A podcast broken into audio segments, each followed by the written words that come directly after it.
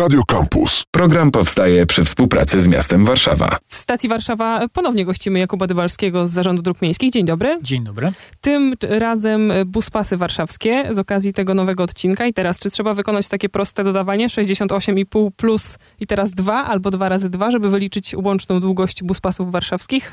Yy, tak, znaczy jeśli chodzi o, o ten buspas, to rzeczywiście tam są dwa odcinki w jedną i w drugą stronę, dwa kilometry w jedną, dwa kilometry w drugą, więc rzeczywiście ta, ta liczba bus, buspasów w Warszawie się powiększyła. Ale ona... Dolina Służewiecka, bo tego nie powiedzieliśmy. Tak, Dolina I Służewiecka i, i Aleja Sikorskiego, nawet, nawet, nawet, nawet w większości to jest ten, ten drugi odcinek.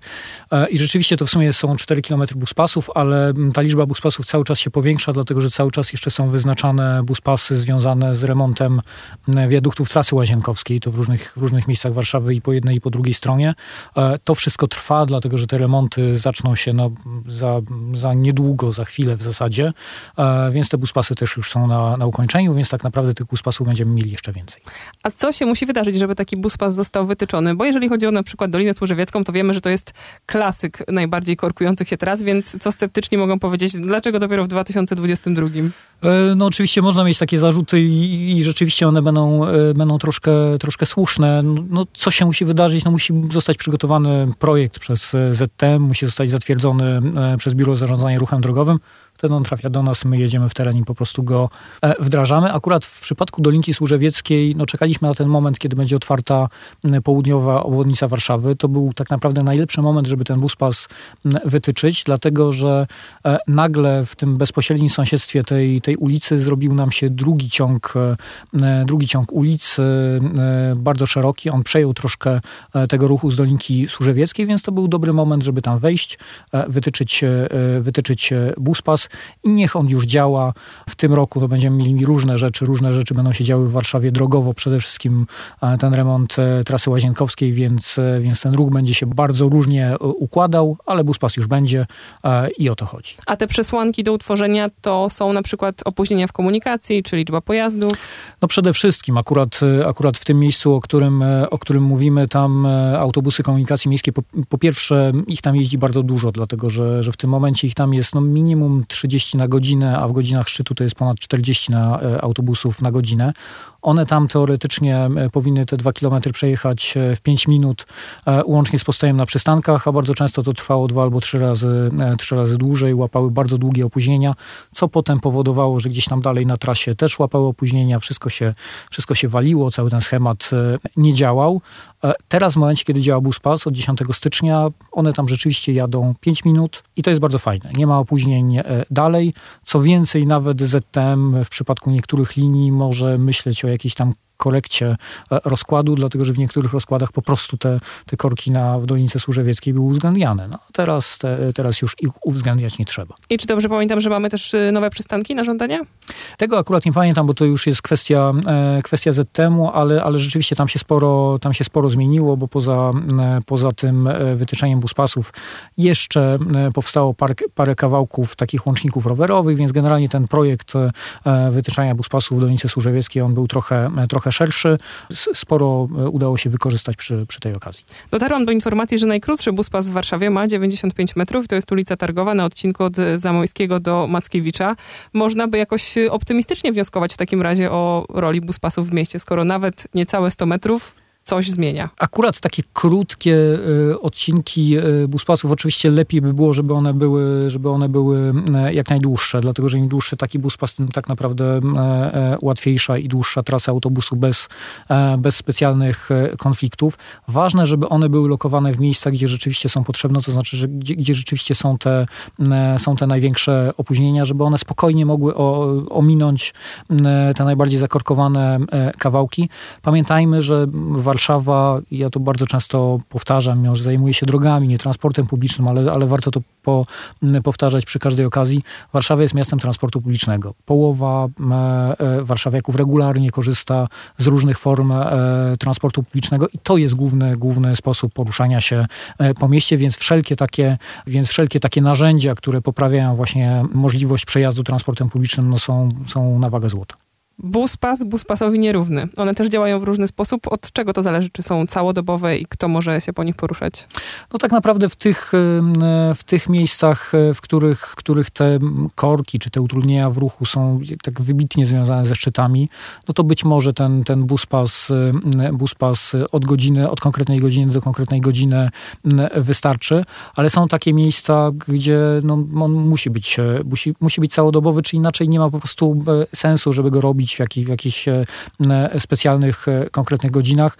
No znowu wracamy do tej dolinki, dolinki Służewieckiej. Znaczy to, to było takie miejsce, gdzie, gdzie jeszcze jesienią, tam tak naprawdę utrudnienia w ruchu na wszystkich trzech pasach, w jedną, w drugą stronę, no były od 8 rano do 20. W, dzień roboczy czasami nawet pojawiały się, pojawiały się w weekendy, więc ten buspas był tam potrzebny w zasadzie, w zasadzie przez cały dzień. Co ciekawe, kiedy robiliśmy w zeszłym tygodniu pomiary ruchu w Dolinie Służewieckiej, mimo że teraz pojawiają się różne takie głosy, że o wytyczli buspas, to się, to się pojawiły korki, a przecież tam jest POW, to korków nie, w ogóle nie powinno być. Prawda jest taka, że, y, że w tym momencie właściwie przez cały dzień, e, cały czas tam e, jedzie się dosyć płynnie. Jedyne, co, co powstrzymuje kierowców, to, są, e, to jest sygnalizacja świetlna. Zdarzają się pewne utrudnienia w ruchu też, ale tylko wyłącznie w tych, w tych, w tych godzinach szczytowych, czyli około godziny powiedzmy 7, 8, około godziny, około godziny 16, ale nawet one, te, te utrudnienia nie są tak duże, jak były przed, jak były jeszcze jesienią zeszłego roku, co jest oczywiste znaczy warto rozpatrywać prowadzenie tego buspasu razem z otwarciem tego tunelu południowej obwodnicy Warszawy, dlatego że to jak weźmiemy całość, to jest zmiana w układzie drogowym e, tej części Warszawy to może po buspasie jechać, bo wiem, że są takie pojazdy, co do których trzeba mocno się pilnować i nie ma dla nich jednej reguły, na przykład motocykle.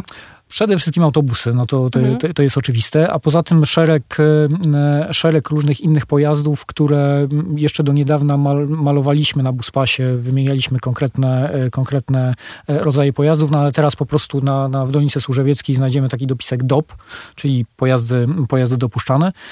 No i co to są za pojazdy? To są taksówki, to są motocykle, to są, to są karetki, generalnie pojazdy służb, to są pojazdy miejskiego transportu osób niepełnosprawnych.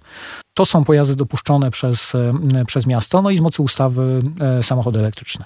Wspomniał Pan o tych y, pomiarach ruchu i myślę, że to jest też ciekawa dygresja, żeby sprawdzić, jak się sprawdza to, co dzieje się na warszawskich drogach. Czy to są znowu oznaczone pojazdy, czy to y, coś na zasadzie tajemniczych klientów, ale służb drogowych, które y, gdzieś to przeliczają? Nie, to po prostu ustawiamy, ustawiamy urządzenie pomiarowe i, i liczymy, ile pojazdów, e, ile pojazdów przejeżdża w ciągu godziny, ile pojazdów przejeżdża w ciągu doby my, jeżeli jest taka potrzeba i jeżeli jest taki temat, który warto zmierzyć, e, to staramy się takie pomiary, e, pomiary przeprowadzać. No chociażby e, w zeszłym roku przeprowadzaliśmy takie pomiary przy okazji ustawienia fotoradarów na moście Poniatowskiego. Też wszyscy się zastanawiali, a to jak tam, czy, czy tam zwolnią kierowcy, czy te fotoradary rzeczywiście spowodują, że tam będzie bezpieczniej. Postawiliśmy urządzenia pomiarowe, sprawdziliśmy, rzeczywiście e, kierowcy tam zwolnili.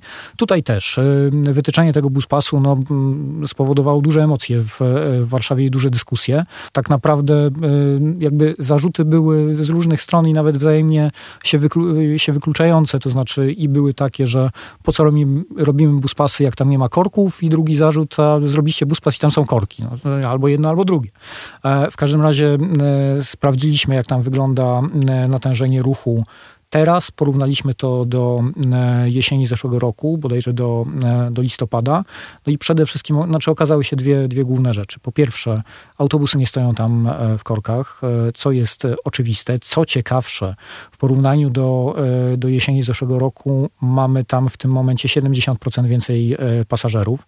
To jest jakiś gigantyczny wzrost. Ja sam byłem zdziwiony, jak, jak, jak to zobaczyłem, ale się okazało, że, że w ciągu doby autobusami przez Dolinkę Służewiecką przejeżdża prawie 27 tysięcy pasażerów autobusów, kiedy, kiedy w ten jeden listopadowy dzień to było 16-17 tysięcy. No i druga rzecz to, to sprawdzenie, czy tam, czy tam te buspasy spowodowały jakiekolwiek korki, no ale tak jak już wspomniałem, e, nie No tylko w tych, w tych godzinach szczytowych są takie, takie spadki średniej prędkości pojazdów, ale poza tym jedzie się płynnie. Kiedy jakieś kolejne odcinki doliczymy do tych 73 km buspasów warszawskich? No właśnie teraz to, o czym powiedziałem na samym początku, to znaczy wytyczane są buspasy przy okazji remontu trasy łazienkowskiej, czy to na Czerniakowskiej, czy na, czy na Ostrobramskiej. To są takie tymczasowe, tymczasowe buspasy E, konkretnie na czas tych robót, bo pamiętajmy, że, że remont trasy łazienkowskiej będzie polegał na tym, że jeden wiadukt zostanie zburzony, cały ruch zostanie puszczony drugim wiaduktem. W momencie, kiedy ten pierwszy zostanie odbudowany, to, to, to, to, znowu, e, to znowu miasto zabierze się za, e, za ten drugi, więc tam utrudnienia będą dosyć, dosyć spore.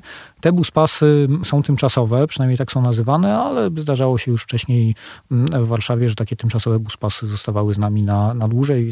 Zobaczymy, jak będzie. Doczytałam, że budowa metra też ma znaczenie w przypadku sieci buspasów? Yy, tak, dlatego że, yy, dlatego, że yy, każde takie, tak, takie duże działania, budowa metra to też jest jakby duża ingerencja w, w układ drogowy, no powoduje, że, że gdzieś, tam, gdzieś tam musimy znaleźć jakieś, jakieś ułatwienia dla, dla ruchu w Warszawie. Pamiętajmy o tym, że miasto no, nie zbuduje nagle drugiej drogi, nie zbuduje nagle siedmiu dodatkowych pasów ruchu, natomiast może poprawić przejazd komunikacją e, publiczną i trochę taka jest, taka jest jego, e, jego rola. Akurat tam e, w Dolinie Służewieckiej, ja za każdym razem jak to tłumaczę, to, to to powtarzam. Jeszcze jesienią mieliśmy sytuację, kiedy były trzy pasy ruchu, wszystkie trzy pasy ruchu były zakorkowane. Teraz niezależnie od tego, co się zdarzy, będziemy mieli trzy pasy ruchu, z czego na jednym korka nie będzie na pewno, no a z komunikacji miejskiej może, może korzystać każdy, więc każdy może wsiąść do autobusu i ten korek ewentualny, jeżeli się tam zdarzy, ominąć. Jakub Dbalski, rzecznik Zarządu Dróg Miejskich. Dziękujemy za dzisiejsze buspasowe wyjaśnienia. Dziękuję również. Program powstaje przy współpracy z miastem Warszawa. Radio Campus. Same sztosy.